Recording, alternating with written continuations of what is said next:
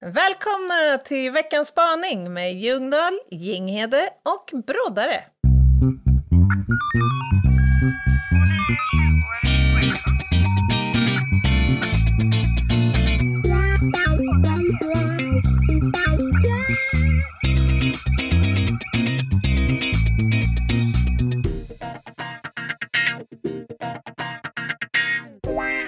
Och välkomna till avsnitt 100. 100. Du, du, du, du, du. En liten fanfar här Ja, kanske Det kan Mister Daniel kanske... Dr. ja, Död kan slänga in. Mm. Avsnitt 100.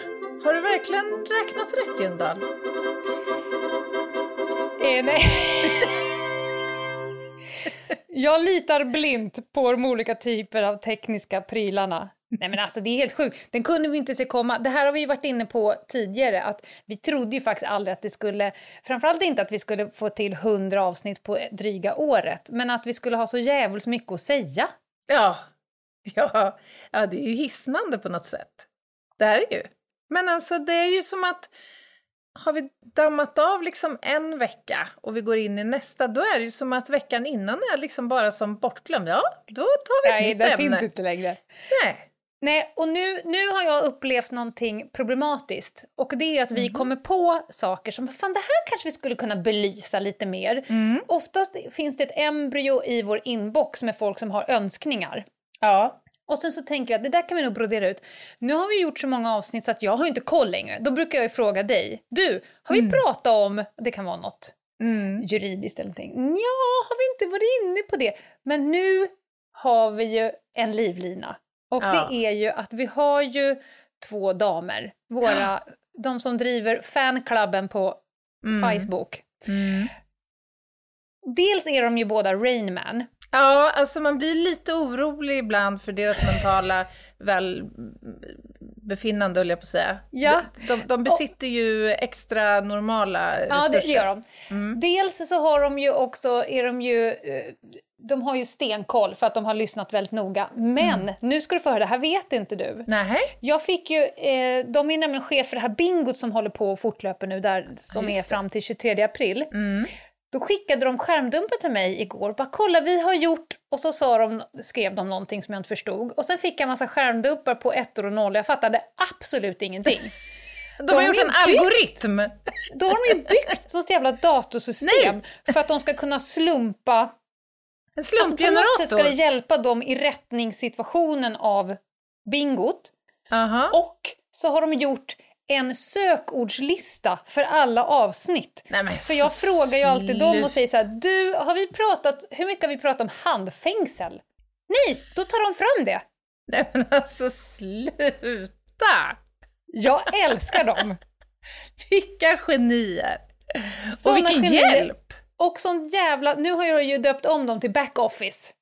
Ja, ja herregud. De är Och om- HR, de Ja. är dörrvakt, de är bouncer och de är backoffice. Ja. Ja. Och jag tänker så här, omvänt så skulle ju den där algoritmen eller listan då kunna hjälpa till i liksom frågan, vad, har vi, vad behöver vi prata mer om? Då kanske de säger så här, Ja. nu ser jag att på radiobilar här så är det väldigt, väldigt låg stapel. Så om ni skulle kunna tänka er ett avsnitt på tema radiobilar. Geni! Ja, eller hur? Men, men de är ju bara det, det fin, gräddan av vår lyssnarskara. Så här i Mm. avsnitt 100 kan vi ägna någon minut åt att säga vilken jävla underbar samling människor Ja. som vi har fått med oss i den här poddcirkusen. Ja, och det var väl, det är också en sån här sak som jag inte tror att varken du eller jag såg komma riktigt. Alltså det är klart att vi hade ju förhoppningar om att människor skulle uppskatta det vi hade att säga. Mm. Men allt det här utöver, den kärlek vi får och den respons och uppskattning och tid som människor lägger på att förmedla det. Mm. Och hur fina de också är mot varandra. Alltså det är ju, ja Ja. man blir ju så glad och stolt verkligen. Och vi får faktiskt en hel del, nu har vi lärt känna ganska mycket podd, vi har ju en del ko- poddkompisar som Mm. driver lite olika poddar och som säljer merch och lite så. Och vi får ju väldigt ofta så här, vad har ni gjort egentligen Ja. med ert gäng? För det är lite så här sektvarning. Mm. Misstolka mig väldigt eh, rätt här nu. Men ni har sån himla tät och fin kontakt. Det är ju så här, vi, du och jag investerar ganska mycket tid i eh, att svara på, att vara eh, på allt, att vara tillgänglig, att vara inkluderande. Eh, vi läser ju i fan i mig allt, Ja, även om vi. nu har passerat gränsen för att vi hinner svara på allt. Utan Mm. det kan vara att man, man är på toa lite längre någon gång. Mm. Det är Ja, ungefär det där är tiden finns. Ja, men det är, ja, exakt. Exakt. Men vi plockar ju också eh, mycket av inspirationen, mycket av önskningarna och sådär eh, från våra eh, lyssnare. Vi får ju höra väldigt fint att vi ofta har bra ton, men det har banne med även våra lyssnare. Ja, verkligen. Vi får rövhattar Verkligen. och foliehattar och andra typer av skithattar. Ja, men, och sen tror jag så här att, för vi är med i lite olika forum där man diskuterar det här med poddskapande och att, hur det är att driva podd och sådär. Mm. Och det jag märker att vi har förstått, men som kanske många andra inte har, det är ju att hela konceptet för att lyckas få en podd att utvecklas och Mm. växa bygger ju på att man värnar sin lyssnarskara. Mm. Alltså podden är ju lyssnarna. Så enkelt Mm. är det ju. Har vi inte med Det- oss dem och Nej. är nära dem, då kommer ju inte liksom podden heller kanske leva vidare. Så är det ju. Man kan köra en, boy, en pojkbandsmetafor eh, metafor här. Det finns ju någon, eh, ibland lite unga grabbar som slår igenom som kanske skulle vilja ha en, en lyssnarskara men som fick 30 000 skrikande 11-åriga tjejer. ja. Det kanske inte var deras, deras, de som de absolut vill vara hetast i, men nu var det de du fick och då ska du vara jävligt rädd om dem. ja, verkligen. Vi har ju en väldigt spretig skara personer. Ja, men det är det som är härligt också. Ah. Det är det man älskar. Nej, Men Anna, om du får säga, dem. jag skulle vilja veta, förlåt, ö, avbröt jag något? nej. Nej. Jag har fråga, om du får välja en sak som har gjort dig mest stolt i poddsammanhanget nu. Mm, och då får jag inte välja liksom själva produkten naturligtvis. För att jag måste Nej. ju säga att själva podden som sådan har ju blivit lite som mitt andra barn. Alltså den Ja. känns ju som en avkomma som man vill nära, ungefär som att jag sticker till min son ett eh, mellanmål ungefär. Ja, Lite på den och nivån. jag är då din bråkiga syster. Ja, ja, Ja. så är det. Men det, alltså, det, du, du gör ju familjebilden då komplett också. Mm. Men nu ska du välja Eh, en sak som en du är stolt sak. över. Alltså jag måste säga att jag blev väldigt, väldigt stolt över vår nominering till Guldpodden. Den gjorde mig väldigt Mm. stolt, för det var lite så en bekräftelse på att det vi gör är rätt och uppskattas av väldigt många. Och det har Mm. skett ganska snabbt också. Mm. Eh, men jag blir lite tagen på sängen för att vi har ju, det är ju så många saker som har passerat som jag vet Mm. att jag känner mig stolt över. Så det är säkert många, många fler saker också. Vi skickar ju ganska ofta eh, skärmdumpar till varandra som efterföljs av olika typer av bölande smileys. det är så fint. Men får jag säga Så. en sak som jag kom på nu? Ja. Eh, och det är ju, jag, jag skulle vilja, ja, i mängden av mejl och meddelanden som vi får, vi får ju väldigt mycket fin feedback och det är ju en sak som man blir stolt över. Men det jag nog känner mig allra mest stolt över i liksom den, eh, på det sättet, det är ju de här människorna som skriver att de har fått en större förståelse för polisen och Mm. faktiskt att många också har blivit botad sin polisrädsla. Mm. Det, det är någonting som jag verkligen känner stolthet över. Mm. Det måste jag säga. Mm. Du då Lena, vad, kan du peka ut en enskild sak? Eh, jag, jag, jag kom på den här frågan till dig av den enkla att den slog mig själv Mm. i går. För jag blev intervjuad för en tidning som ska publiceras någon gång framöver här. Och Mm. då var det en sån liten faktaruta om Lena. Ja. Och då fick jag just frågan, eh, vad brinner du mest för? Och det är Mm. lätt att säga, för det, det är så spretigt, men det är rätt lätt att säga då eh, kvinnofrid, barn och Mm. du vet, de Mm. vanliga. Men så kom jag på så paraplyet som, som jag nog är som mest stolt för i den här podden, det är att vi ibland har kallats för folkbildare. Mm. Och det var ett sånt där begrepp som jag fick också när jag vann det här Q-net-priset i Mm, år, mm. kvinna inom säkerhetsbranschen. Men alltså att, att podden har täppt igen ett hål av folkbildning. Mm. Döda myter, lär ut saker, att det inte är så krångligt och svårt och, och, och saker som då vi läser i flödet att men gud, jag har börjat tänka helt Mm. annorlunda med hur min hjärna funkar eller Mm. nu förstår jag det här att jag har rätt mot min arbets... Det kan vara vad som helst. Så att jag, jag säger nog den. Att Ja, men fan det vad är fett ju- att vi får eh, bara sprida lite vett. Ja. ja, men det är ju, det är ju hedervärt, verkligen. Mm. Jag håller med. Men och, och avsnitt 100, hade det inte varit eh, så att alla sitter inlåsta i sina egna hem så hade ju vi firat av avsnitt 100 med en hejdundrandes jävla livepodd på typ cirkus eller något. Ja, det hade vi gjort. Mm. Nu blev det inte så. Nej. Nu sitter jag här och knaprar på ett digestivkex och dricker vatten. ja, men det kommer ju en 150 och det kommer ju en 200-årsdag också. Så att det är inte för sent. Det kommer komma en livepodd där vi ska göra kriminaltekniska undersökningar på scenen. Vi ska göra spangrejer. Mm. Nej, Vi har, vi har ganska mycket eh, feta planer. Alltså det kommer bli en sån jädra rolig grej. Ja, nej, det, Äh. vi har mycket att se fram emot. Och det är det, alltså det har ju eh, slagit mig flera gånger att det är ju som ett Kinderägg varje dag att driva den här podden. Alltså Mm. nästan varje dag så möts vi av liksom positiva tillrop, vi får förfrågningar som är otroligt roliga och ärofyllda. Alltså vi, vi växer ju som människor, vi växer som poddare, men vi Mm. får ju också uppleva så enormt många roliga saker som vi hade gått miste om om vi Mm. inte hade hoppat på tåget liksom. Mm. Och det tycker jag är så jäkla kul. Det är ett roligt jävla tåg att vara på. Ja, det det. Och för att fira avsnitt 100 nu, nu vart det lite memory lane, men det kommer bli en lång jävla spaning. ja, det Så får att det ni bli som då. tror att ni ska hinna med det här avsnittet inne på ICA eller någon annan mataffär, ni kan glömma det. Det kommer bli lång spaning. Ja. Är vi beredda eller? Ja, vi kör tycker jag. Vi kör.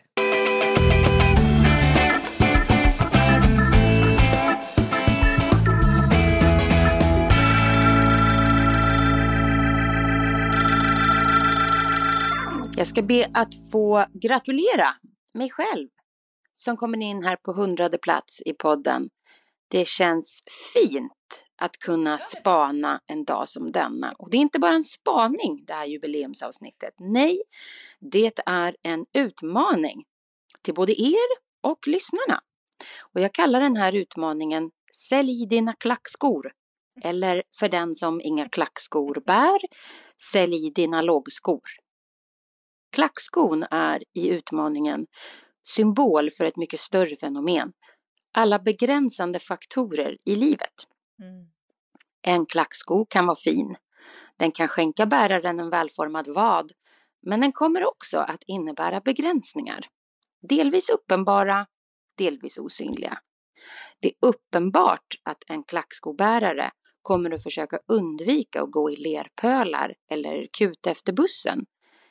Eller kanske i förlängningen inte vara utomhus särskilt mycket alls. Men det är också möjligt att en klackskobärare omedvetet och på ett djupare plan styr sina steg dit skorna för hen. In i olika rum och ut ur andra. En fin sko, som den metafor de här skorna nu är, den kan vara så fin att den tar klivet över till huvudkontoret och börjar möblera om i hjärnan på bäraren.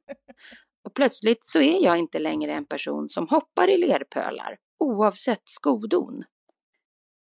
Jag hyser en djup aversion mot livets begränsande faktorer.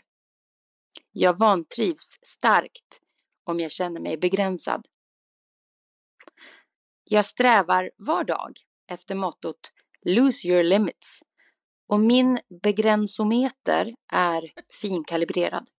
Så här följer en lista med exempel på hinder som jag har gjort mig av med. Chef, arbetstider, kontor, hårda byxor, smink, utom när jag får feeling och tycker det är bara jättekul, tajta plagg överhuvudtaget, kläder som inte får bli smutsiga eller inte kan tumlas, för liten bostadsyta, uppfattningen om att mitt hem måste vara städat, samboende människor, för få verktyg, olika dieter, uppfattningen om att jag inte gillar färgen rosa, uppfattningen om att jag är dålig på att lära mig saker, och så vidare och så vidare. Vilka begränsande ok har ni burit runt på?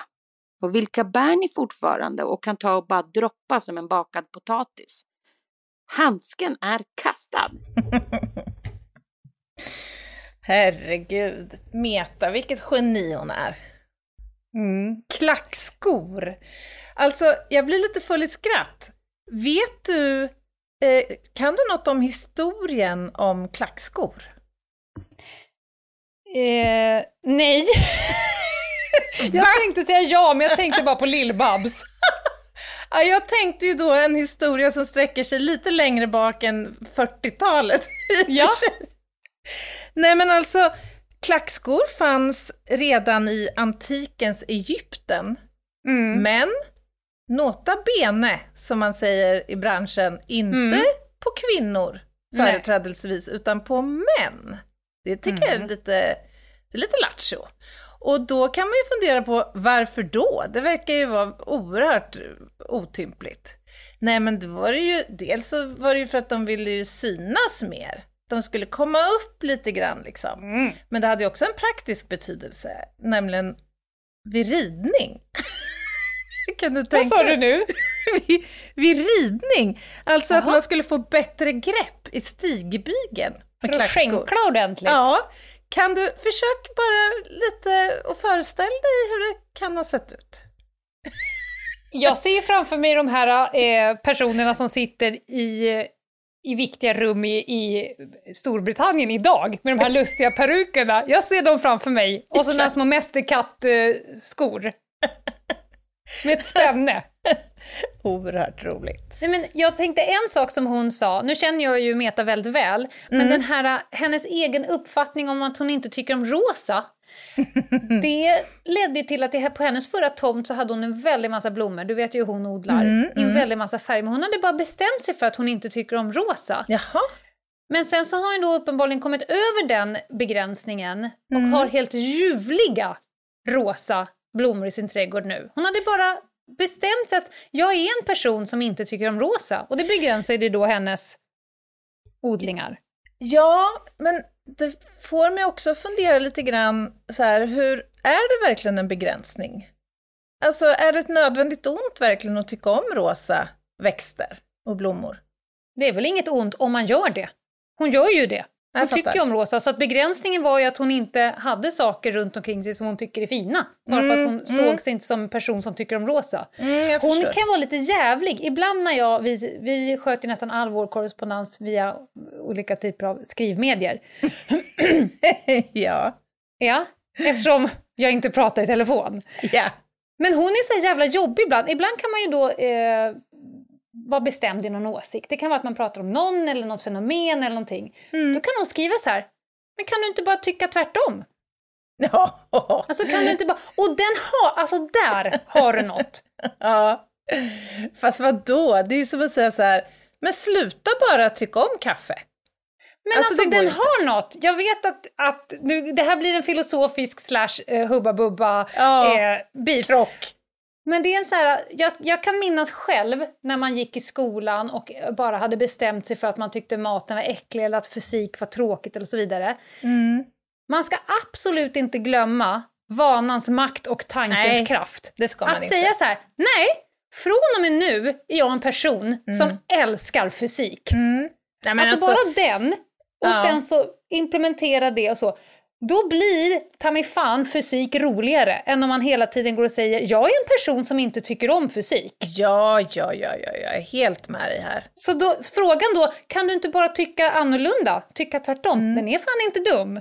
Nej men det är väl, det är som någon sa någon gång eh, kring det här med att löpträna till exempel. Mm. Att det är ju inte förrän hjärnan talar om för dig att det är astråkigt att springa som du börjar Mm. känna att du absolut inte kan springa mer än fram till den där lyktstolpen som ligger sju Mm. meter framför dig.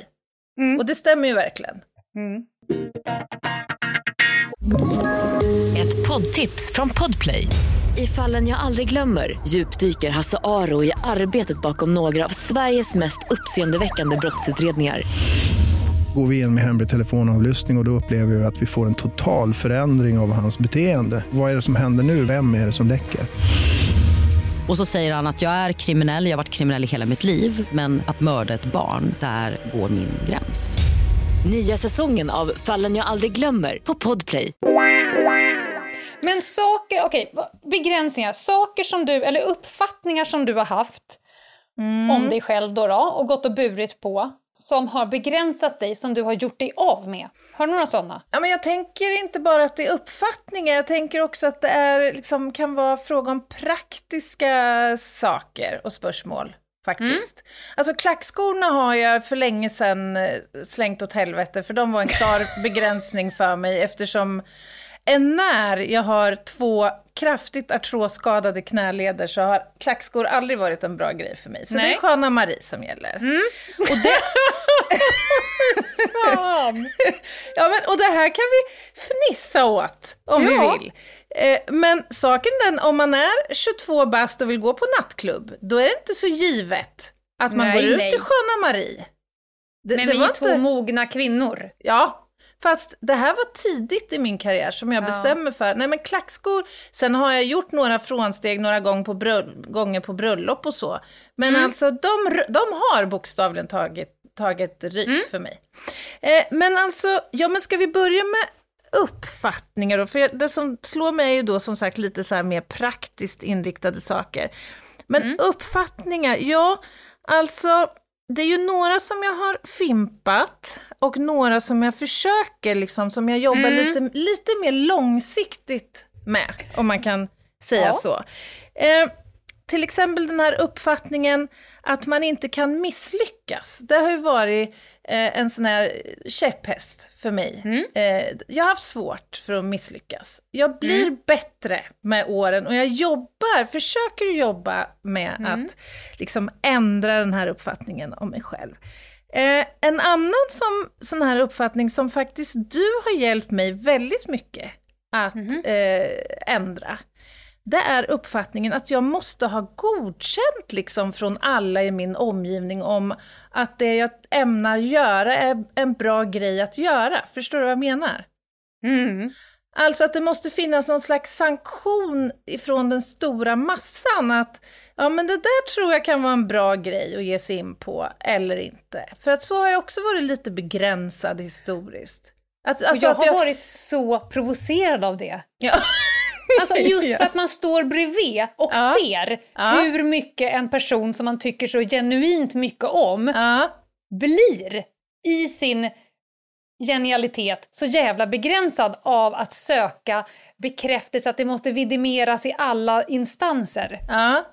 Ja. Ja, men jag, jag, och jag, jag kan förstå det, för att det är ju, inte minst är det ju begränsande för mig själv. Ja men exakt, det är det jag menar. Men har, du har gjort en sån jädra resa där. Alltså jag har gjort en sån jävla resa och det Mm. beror väldigt mycket på ett tätt umgänge med Lena Ljungdahl. Jag har, jag har, jag har några såna här exempel historiskt som har, där jag liksom har överraskat mig själv, men där det ändå inte liksom har räckt riktigt att Nej, okej. som fullständigt utplåna begränsningen. Till exempel när jag bytte yrkesbana, när jag Mm. talade om för omgivningen att jag hade sökt polisskolan och då jobbade på en tandläkarmottagning med hy- hygglig framgång. Eh, Mm. Det kom ju som en fullständig chock för min omgivning och det var väldigt många som hade synpunkter kring det här och tyckte det var idiotiskt, rent ut sagt. Mm. Och, och det var liksom mitt första lite så här trevande steg att nej, vad fan, jag, jag körde med lite fuck it all mentalitet. Det ska väl ni skita i och blir det här inte bra då får jag liksom gå tillbaka. Men ja, och jag, jag har blivit bättre och mycket är tack vare dig. Jag har upptäckt att jag behöver ju inte ha ett approval liksom från, från människor runt omkring mig. Det, det blir ju bra ändå. Varför, var, det, det behövs ju liksom inte. Framförallt så kan man också vara genuint ointresserad av vad andra människor tycker om det.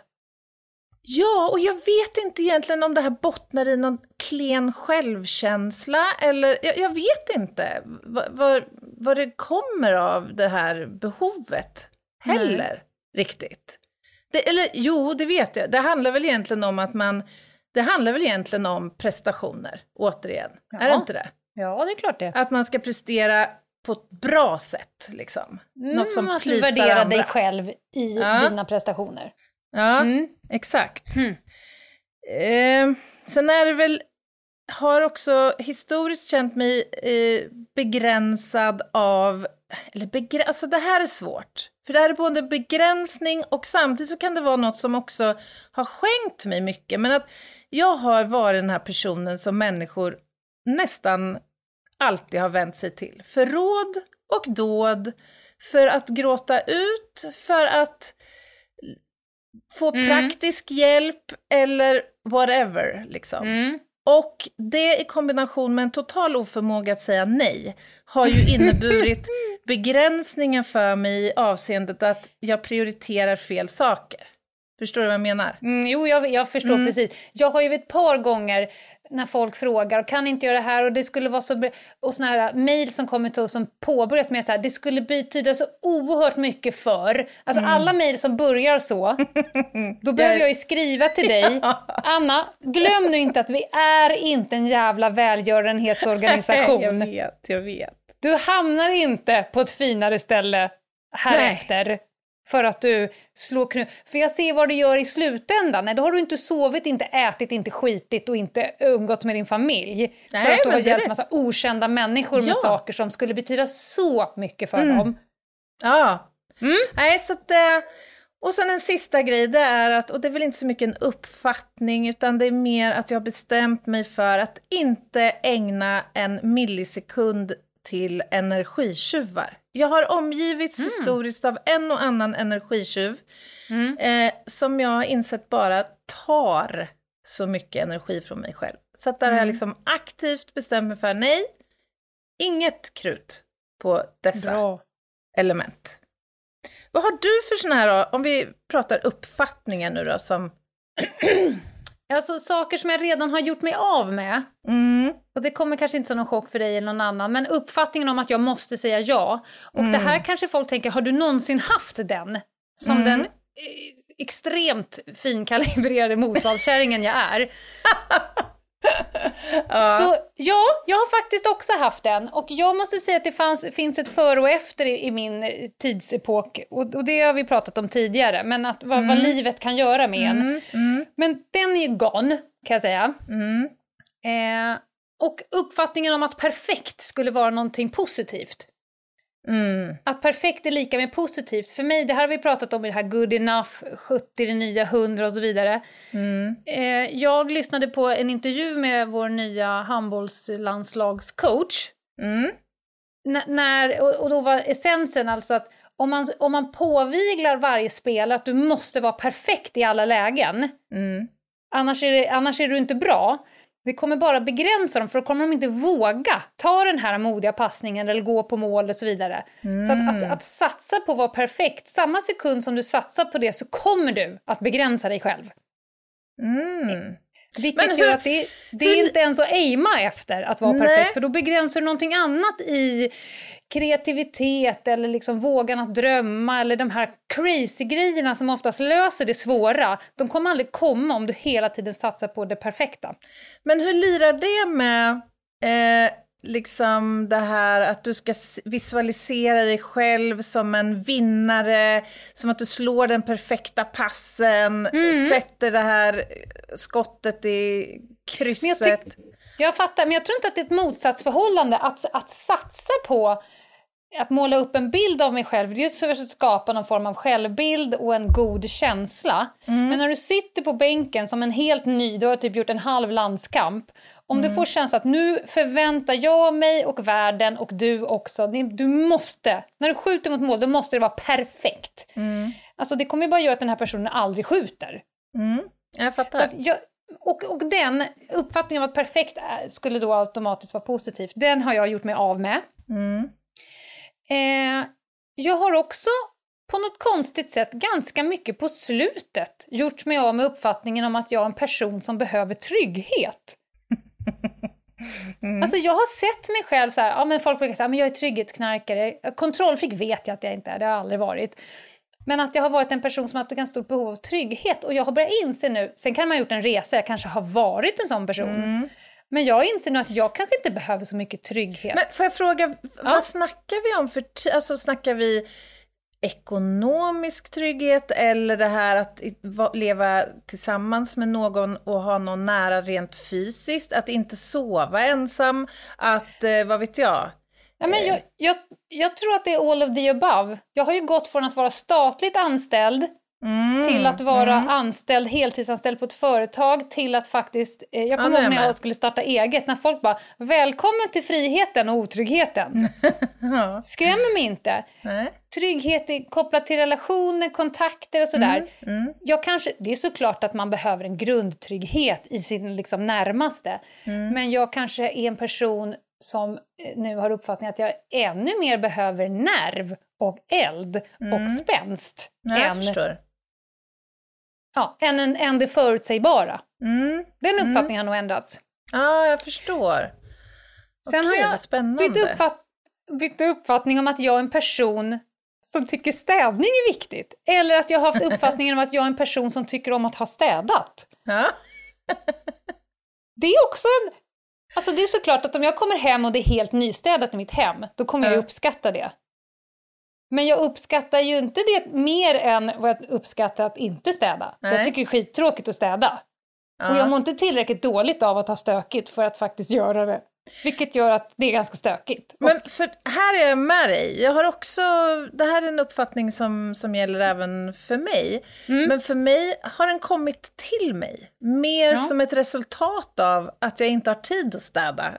Och, jag, har ja. upp, och jag har upptäckt att, ja vad fan, det är inte så, det är inte så tokigt ändå här hemma. Det ligger lite dammtussar här Ja. och där, men är det Men samma för hade dig? du varit av uppfattningen att du mådde riktigt dåligt av att ha det stökigt, då hade du fortfarande lyckats prioritera upp det. Tror du det? Ja, så kanske det är i och för sig. Ja.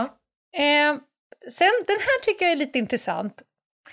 Uppfattningen om att jag är en person som tycker inte, äh, det är inte så noga med yta, jag är inte så fåfäng, jag tycker inte att det är så kul.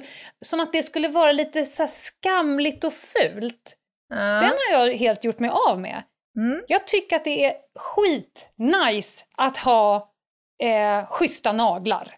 Aha. För då har jag levt mitt liv i gyttjan, de har brutits av, jag har varit gymnast, inte fått ha långa naglar, jag har Mm. polisat och du vet när man skjuter, det går inte att ha Ja, långa nej, naglar och hålla på.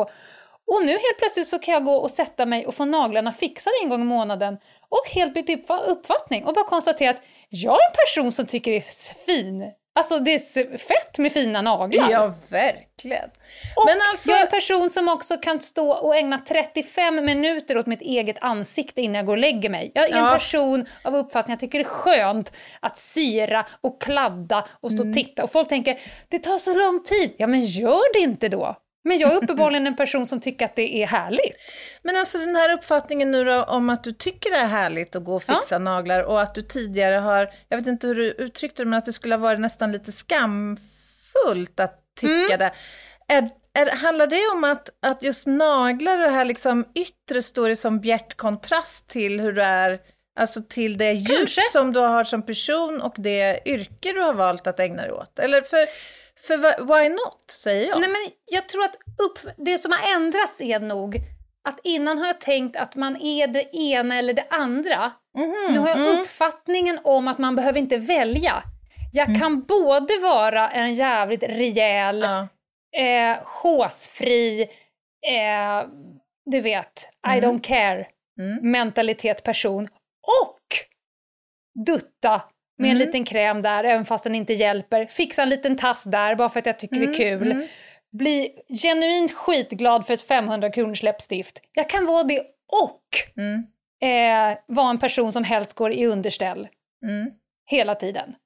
Ja, Det är och, nog den uppfattningen som har förändrats. och där tror jag, där kanske du har tagit ett kliv närmare mig egentligen. För att jag har ju allt, alltså jag, om man ska backa tillbaka till eh, liksom, ta polishögskolan till exempel. Mm. Där stack ju jag ut ganska mycket som den här som gärna skitar ner mig och kräla i lera om det krävdes och liksom Mm.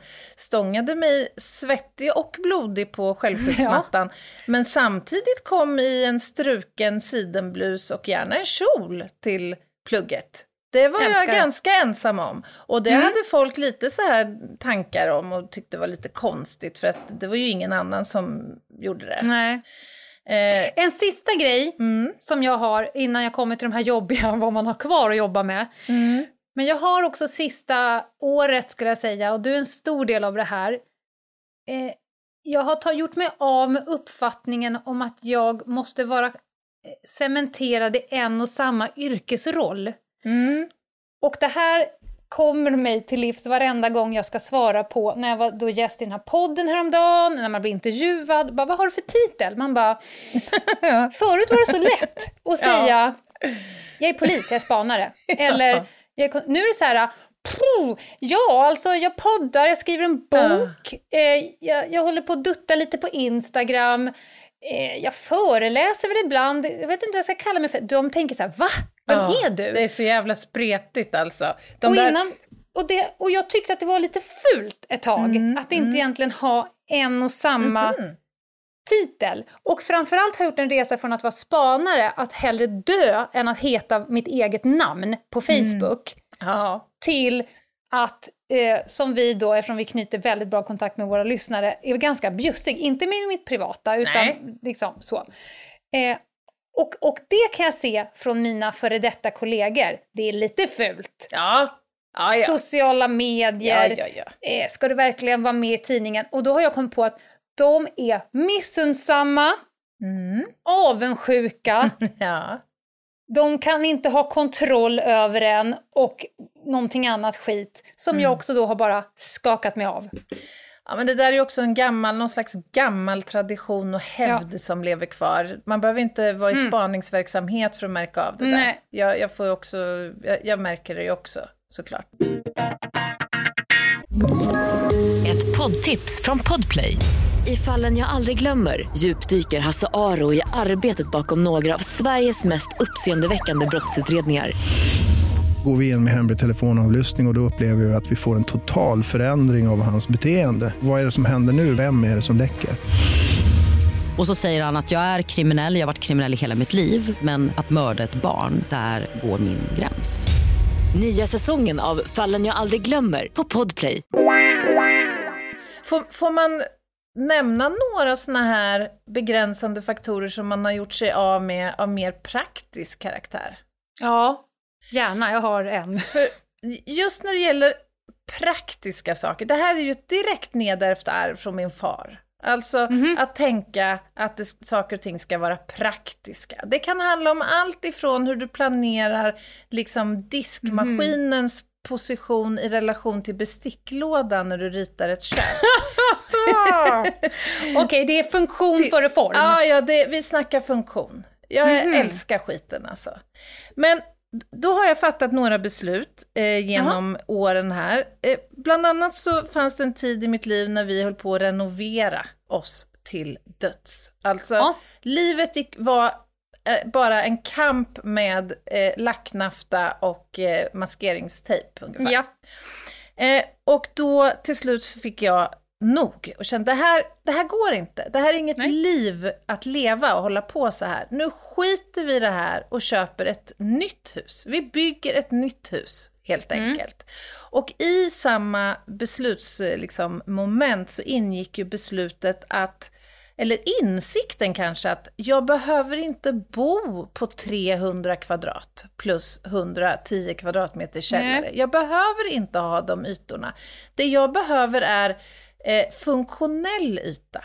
Det vill säga, Okej, jag behöver... okej, jag tror, aha, jag, med? jag trodde vi var på väg till att du har släppt det praktiska tänket och blivit estetiskt. Nej, du, Nej. du går ännu mer på funktion. Ja, ja. Okej, okej, okej, okej. När vi då bestämde oss, då blev det, jag Ja. behöver så här, vi behöver så här många rum, vi behöver yta för att det här tycker vi är kul, umgås med Ja, folk ibland. Ibland kommer det några hälsa på, då kan det vara bra att ha en liten yta för övernattande. Ja, där har jag varit. That's it. Alltså skit i Ja. det andra, jag behöver inte ha ett sovrum Nej, som är okej. 25 kvadrat och ha någon form av loungemöbel i som jag aldrig kommer sitta i men som kommer att kräva att jag ändå lik förbannat håller på och dammar och nej, nej. dammsuger. Så att jag har liksom gjort mig av med begränsningen i avseendet stora lu- liksom, ytor. Jag behöver inte ha mer än det jag har idag, Mm. helt enkelt. Ja, Ehm, jag, jag är ju mer kanske form före funktion. mm. Alltså, är det här opraktiskt? Jajamän. Blir jag glad av det? Jajamän. Mm, mm. Ja, och sen åker jag. Men, men också till exempel praktiskt, det finns ju inte en pryl här hemma i köksituationen. Alltså går det inte att diska den i diskmaskin, då är den inte värd att leva. Så folk må rynka på sin näsa hur mycket de vill när jag kastar in de svindyra kockknivarna i diskmaskinen. Ja. Men de får kämpa. De ska härdas Ja, och de får förstår. kämpa till de dör. Och när de har dött, då åker de ut. Och sen så får jag helt enkelt skaffa mig en ny. Ja. Eh, Vad har vi mer på mer praktiska saker? Alltså jag har ju eh, erfarit många gånger problem med min, mitt IT-stöd. Va? Här vill jag slå ett slag för... Mitt IT-stöd, är det en fysisk person? Eller är det Ja, det ett kan det vara. telefonnummer? Det kan vara både hård och mjukvara så att säga. Okej, okej. Ja, jag går numera aldrig på, alltså jag går på det bästa när det gäller datorer. När jag köper en dator så ska det vara det snabbaste med längsta batteritiden som är robust och som klarar liksom hög belastning. Det ska Alltså, vara bra. robust. Ja. Alltså robust är, det är mitt hatord. Nej, det är mitt älskord. Robust ringskydd, sa ju en, en säkerhetskonsult som jag känner. Det måste vara ett robust ringskydd och jag tänkte ju bara på analmuskeln. Ringmuskeln. Ja. Ja, vi måste säga till våra klienter att de ska skaffa sig ett robust ringskydd. Ja, men vad fan säger jag? Det kan vi väl inte hålla på, det får väl vara deras ensak. Ja. Nej, men alltså sånt här som, förstår du, som saktar ner en i tillvaron eller som skapar återkommande problem. Men det är bara människor pratar om. Det Nej, som nej, saktar ner mig i tillvaron och ger mig återkommande problem, Nej, det kan är vara ju homo fucking sapiens. Ja, det, men det kan gott och väl vara prylar också. Då Häromdagen, åker de ut. Eh, häromdagen rök en vitlökspress. Den var så in i helvete jävla irriterande varenda gång den skulle delas och inte fås ihop. Nej, ut med den där, köp en ny. Som funkar och som är praktisk. En fråga nu när du säger att du alltid har det bästa, är det också det dyraste? Eller gör du en sån här irriterande marknadsundersökning? Ja, jag, Råd och rön. Jag gör ofta ett ganska bra förarbete, ja. När det, när det gäller just de här bitarna, sen är jag ju Ja. väldigt selektiv där. Andra saker går jag ju väldigt mycket på känsla. Så är det Mm. ju. Nej men sen är det ju också saker som jag gjort mig av med som är tidsbelastande. Jag har precis nu sålt ett torp till exempel. Det har varit Mm. en, eh, i en del av mitt liv en härlig tillgång och tillflyktsplats. Men Mm. nu är det en begränsning för mig. Så att just, jag tänker att det här måste ju kunna ändras ganska mycket över tid. Liksom. Vad som är begränsande för mig idag eh, som småbarnsmorsa och allt det där var ju kanske inte det för tio år sedan och vice versa. Nej. Sen den kanske viktigaste förändringen eh, vad gäller de här bitarna, det är ju faktiskt att jag har två härliga och feta stag med en rygg här. Inom en snar Mm. framtid som kommer att, ja, sluta begränsa mig. Ryggen Ja. kommer inte bli en begränsande faktor. Gud, Så vi snackar även kroppsliga ingrepp. Ja, ja visst. Ja, där känner jag, jag min eh, åkomma som jag har, jag blir extremt begränsad av värme och stress. Det slår ju Mm. ut i alla fall en fjärdedel av min kropp rejält.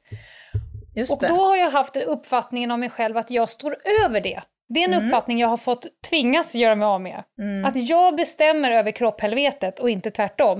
Men det visar sig ganska eh, ofta att så inte är fallet. Och sen ligger man där och undrar vad som hände och så kommer man på att just det, jag har ju varit i värme eller, och eller varit stressad. Men alltså där tycker jag du slår huvudet på spiken. Mycket av det här, om man ska koka ner allt det här som vi nu har pratat om, eh, Mm. Så handlar det ju om att man tar kontroll över sitt liv. Eller hur? Man tar Mm. kommando över sitt liv och bestämmer sig för så här vill jag leva mitt liv. Då kommer jag komma in på mina jobbiga punkter då. Det jag har Mm. kvar. Mm. Ska jag fråga dig först eller? Ehm, Eller har du, tycker du att du ju- redan har uttömt det? Jag har ju varit in lite grann på att vissa är liksom under ut utveckling. Ja. Eh, det som jag kan eh, jobba vidare på, eh, som vi kan prata om lite grann i näst, vid nästa utvecklingssamtal och där du också faktiskt haft en stor eh, roll, tycker jag, för mig. Det är ju uppfattningen att jag inte kan eller inte borde. Mm. Och att jag måste ta hänsyn till någon form av jante. Mm.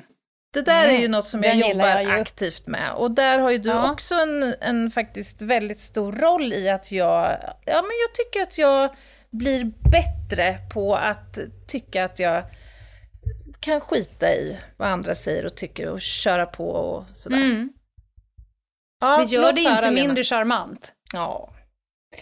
Ja, men jag, jag satt och funderade här eh, i en fåtölj hemma hos Meta. Så vad Mm. har jag kvar då, då? För att jag har kommit en bit på väg. Mm. Men jag har fortfarande en irriterande stor portion i mig, trots allt det jag redan har sagt att jag gjort mig av med, Mm. med att jag behöver behaga andra. Det kan man inte tro Det mig. här kommer lite som en överraskning för mig Ja. måste jag säga. Men, men det är för att jag väldigt sällan är bjussig personligt. Är det, för att du aldrig vill beha- är det för att du aldrig behagar mig? Är det, är det? Exakt. Resist! Nej men vänta Nej, nu, men det här får här. du utveckla lite grann. Ja. Eh, alltså frågan, vad vill jag? Mm. Och nu kommer vi till när det liksom stöts och nöts. Annars Mm. så kan jag skita lite i det. Men det här med eh, att det kan klia lite i mig så här, pff, det här hade varit bra för min son och det där med vill familjen det här eller släkten det här eller Mhm. jobbet sådär. Och så, då kan jag ibland eh, komma hem på kvällen och känna så här, fan det där vart inte bra. Nu har jag liksom slagit knut på mig själv här Mm. för att behaga andra. Mm. Eh, och det är ju också en fin grej att vilja göra det. Men det Ja, men en jag är inte, jag, nödvändig ska grej. jag är inte framme. Nej, men är det den. inte också en nödvändig grej att göra? I alla fall som morsa är det väl det? Jo, jo. ja, ja, jag aimar ju inte för att bli en full eh, fjädrad douchebag. Det är inte dit jag tänker att jag ska vandra. Nej men jag menar det är ju en omöjlig ekvation ibland. Ja, men okej, jag kan dra ett exempel, eller bara så här i enkelhet. Säg att man skulle gå ett litet större gäng och göra någonting. Aha. Så fort det är fler personer och det ska göras någonting och det är massa olika viljor, lägger Ljungdahl sig alltid platt. ah, Ja, jag Alltid. fattar. Vilket gör att jag får inte ut någonting av lite större sociala sammanhang. Eftersom jag bara alltid bara viker ner mig för att jag tycker att det är så oerhört påfrestande med mycket folk. Så att jag åker bara med och säger, gör vad ni vill. Ja men då slutar det med att man går till ett ställe där det finns bara tre tons eh, köttbitar. Det Nej. går toppen säger jag då. Det För kan man jag- väl inte göra? Om Jo, man har men- med sig någon som inte äter kött. Nej men då säger jag inte ens det. I de där fallen så viker jag mig platt på dirr. Vet inte varför men det är en resa jag får göra. Men får jag fråga då, hur Ja. blir effekten i dig? Sitter du då där vid middagsbordet och är lite sur ändå eller? Nej, nej, men nej. det begränsar mig så tillvida att när jag får förfrågningar om att göra saker så tackar jag väldigt ofta Ja, nej. För ja, att jag jag vet förstår. att det är för påfrestande. Nummer två eh, är uppfattningen om att jag är jävligt viktig eh, för andras välmående. Att jag bär ansvar för andras välmående. Mm. Jag får jobba aktivt med känslan att var och en som är vuxen, alltså inte mitt barn, Mm. men var och en vuxen person är fan själv ansvarig för sin egen lycka och välmående och det är inte mitt jobb. Mm. Eh, det är någonting som... Men det eh, tangerar ju lite det jag var inne på också ju, mm, faktiskt. Och den sista och kanske den absolut viktigaste grejen som jag jobbar med, eh, som kanske begränsar mig mest, det är uppfattningen om att jag är energiförsörjningschef i alla sammanhang. Det eviga, förbannade jävla loket. Jag skriver under på dirr på den här. Ja. Det där måste jag sluta upp med. Och då, det ligger i mig ganska naturligt. Jag är snabbtänkt, jag är en organisatör, jag är drivande och så vidare. Men att det också automatiskt är att jag är ansvarig. För det Mm. blir... Alltså, jag minns det här ända från typ mellanstadiet. Har jag en bra dag, då har alla en bra dag. Mm, Om jag är sur, låg på energi, då faller hela jävla korthuset. Det spelar ingen roll om det är en familj eller en arbetsgrupp. Jag får inte ha en dålig dag Nej, på jobbet, för då faller allt eftersom jag av någon anledning är energiförsörjningschef i Men alla här- sammanhang. Problemet med den här typen av människor, jag är ju faktiskt ganska lik dig på den här punkten, det är ju att det föregås ju av en adaptionsprocess hos Ja. omgivningen också. Ja. Som lutar sig mot det här och Ja. tycker att det är såklart ganska bekvämt. Liksom. Så att här ligger ju ansvaret helt och fullt hos en själv. Ja. Så är det ju. Ja, men, Mm. alltså, jag är ju duktig på det och jag är också en person förmodligen som gillar det lite, att vara loket, för att Ja, jag orkar inte sitta och åka godsvagn. Nej, precis. Men för, jag måste ändra uppfattningen om att jag ska vara chef för detta i Mm. alla sammanhang. För att Mm. det är också jävligt pressande att veta att jag kan inte ha en dålig dag på jobbet. Är vi en Mm. arbetsgrupp och Ljungdahl eh, mår som sju svåra år, mm, eh, då, då, kan, då behöver folk inte gå dit den dagen. Mm, nej. Det, det måste jag sluta med. Men sen det är en det, resa. det där är ju lättare sagt än gjort också, för jag har ju Ja. suttit i ty- olika typer av möten och sammankomster och sen har jag aktivt tänkt så här att nu ska jag inte gå i bräschen för det här. Nu ska jag Mm. aktivt liksom luta mig tillbaka och verkligen se kreativiteten och energin hos andra. Ja. Men då blir det så här, ha, är det ingen som har... Är det ingen som har några idéer här hur vi skulle kunna... Nej, nej, det blir så... Och då, det går inte då. Nej. Alltså, jag kliver ju upp då i Ja, loket direkt. För att jag orkar ju liksom inte själv heller se så här... Nej. Oh, vad ska jag säga? Och när du dessutom vet lösningarna. Ja! Ja, jag vet, och då är det också drivet som inte riktigt står ut med. För hade du inte gjort någonting gång efter annan så hade ju till slut någon annan växlat upp. Men man står inte Ja. heller ut med det. Nej. Nej, det, det där... Det Ja. får vi bara lägga ner. Ja, det får vi, Vi göra. får jobba med det. Sen skulle jag vilja bara säga att viss expertis, alltså för att bli riktigt, riktigt, riktigt, riktigt bra på någonting, det innebär ju automatiskt att man helst tar ett aktivt beslut att begränsa sig själv. Jag menar, ska du bli världens bästa Rubiks kub-lösare? ja. Nej men alltså, Är du sugen? viss, ska du bli super, super bäst på det, då kommer du behöva ägna 18 timmar per dygn på det. Ja. Men då, då skulle jag bara vilja... Eller så här, då, då begränsar man ju sig, för det finns ju helt enkelt inte tid över till någonting annat. Och då tar man ett aktivt beslut att nu begränsar jag mig skitmycket Mm. för att bli extremt bra på bara en sak. Men det är väldigt få människor som behöver bli så extremt bra på bara en sak. Mm. Och framförallt så skulle jag vilja att folk eh, för upp det här på medvetandenivå. Att Mm. så här lever jag mitt liv och på det här sättet begränsar det mig och är det det sättet jag vill göra det på? Ja men exakt. Det här att faktiskt ta kommando över sitt Mm. liv. Det, det är där det handlar om. Bra snack Lena. Ja men verkligen, jag är helt slut. Ja, jag med. Ja, men, Nej, men det här- kul. Kul det vore- spaning. Det hade ju varit oerhört roligt att höra lite från våra lyssnare vad de har på det här. Undrar om inte det skulle starta en liten, startas en liten tråd på Facebook kanske. Mm. Det vore kul att lyssna på andras eh, begränsningar och hur man har löst dem. Det kommer säkert Maria och Charlotte sno ihop när det här avsnittet sänds i, på måndag. Det tror jag säkert. Det blev en mega mastodont superduper spaning. Men så ska det ju vara när man firar Mm. en hundraåring, eller hur? Jag undrar, finns vi vid avsnitt 200? Alltså, vi finns som personer om inte någon av oss har dött. Men, men finns podden avsnitt 200?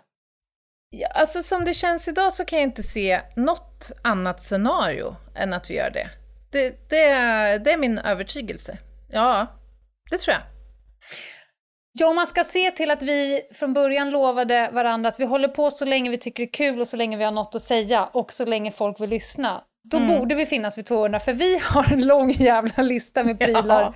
kvar. Och snart är det torsdag Lena, vad ska vi Ja. bjussa på? På 101-årsdagen. 101 eh, årsdagen ja. Jag tänker att på torsdag, vi har ju varit inne mycket på så här äh, makabra brott, vi har varit inne på styckmord, sånt där saker som kanske förhoppningsvis ligger ganska långt ifrån människor. Mhm. På torsdag, då ska vi plocka in det närmare. Vi ska helt enkelt prata om brotten som vi alla begår. Mm. Kanske dagligen ibland. Och gränsdragning, alltså vad är... Eh, jag har ju själv snattat kanske hundra gånger. Mm. Det kommer Jag jag, berätta om på torsdag.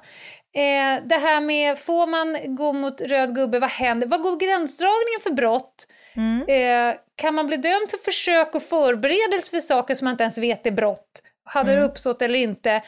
Eh, jag till exempel har ju suttit och kissat mitt på Styrmansgatan på fyll- fyllan någon gång. Var det ett Ja. brott eller inte? Precis. Och vad hade hänt om farbror Blå hade kommit dit? Ja, men det här blir ju superspännande. Jag tror att det kommer vara hög igenkänningsfaktor på ganska mycket av innehållet på torsdag, Mm. för många. Och om ni nu innan torsdag, för det här sänds ju på måndag, så om ni innan torsdag kommer på eh, händelser som ni själva har gjort, ni behöver ju inte göra någon bikt här, men eller eh, funderingar som ni har kring, är det här egentligen brottsligt? Mm. Så skicka dem till oss på Instagram. Just det, på Ljungdahl och Ginghede ja. Mm, direktmeddelande där, så ser Mm. vi er. Eller mejl kanske, ljungdahloginghede.gmail.com. Och jag tänker också, det kan ju också vara såna här lite knepiga funderingar kring vardagsjuridiken. Mm. Tankar som man har kring det. Skicka det Mm. också. Vi får ju ganska ofta sån här, men vad händer om någon bryter sig in i mitt hem och min hund biter personen i skinkan? Blir jag eh, skadeståndsskyldig? Och lite Mm. sådana där saker som ofta Mm. dyker upp. Vi ska försöka ta det på torsdag. Nej, det blir alla tiders. Eh, och till dess får vi säga vad då? Tills dess får ni få helt enkelt bara ha det så himla bra som ni bara kan. Ja, Och se till att eh, skaffa er själva ett liv där ni begränsar er precis så mycket som ni vill bli begränsade av er själva. exakt. Det finns inget facit så länge ni skippar klackskorna. Ja. Ha det gött! Bye! Bye!